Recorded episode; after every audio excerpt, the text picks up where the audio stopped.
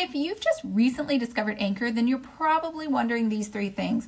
One, what is it? Two, how does it work? And three, should you be on it? Let me answer all three of those for you. First, what is it? Well, it's like Snapchat for audio because you can only record up to a max of two minutes and your audio disappears 24 hours later.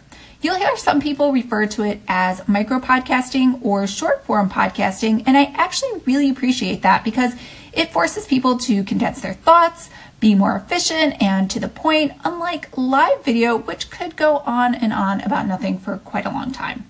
Second, how does it work? You can record on your phone or you can upload audio clips to your station from your desktop. Third, should you be on it? Mm, maybe, and I only say that for three reasons. First, I'm not convinced that a lot of users understand it know what it is, or can actually figure out how to find you.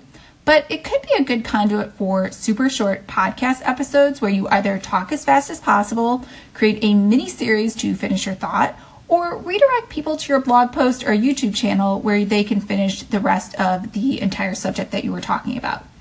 The second reason is even though it's free, it's going to take up some time and energy to be on it, and I don't know if it's worth it because of Reason number three, which is Anchor could go out of business tomorrow. Do you remember how exciting Meerkat, Blab, and Vine were for a hot minute?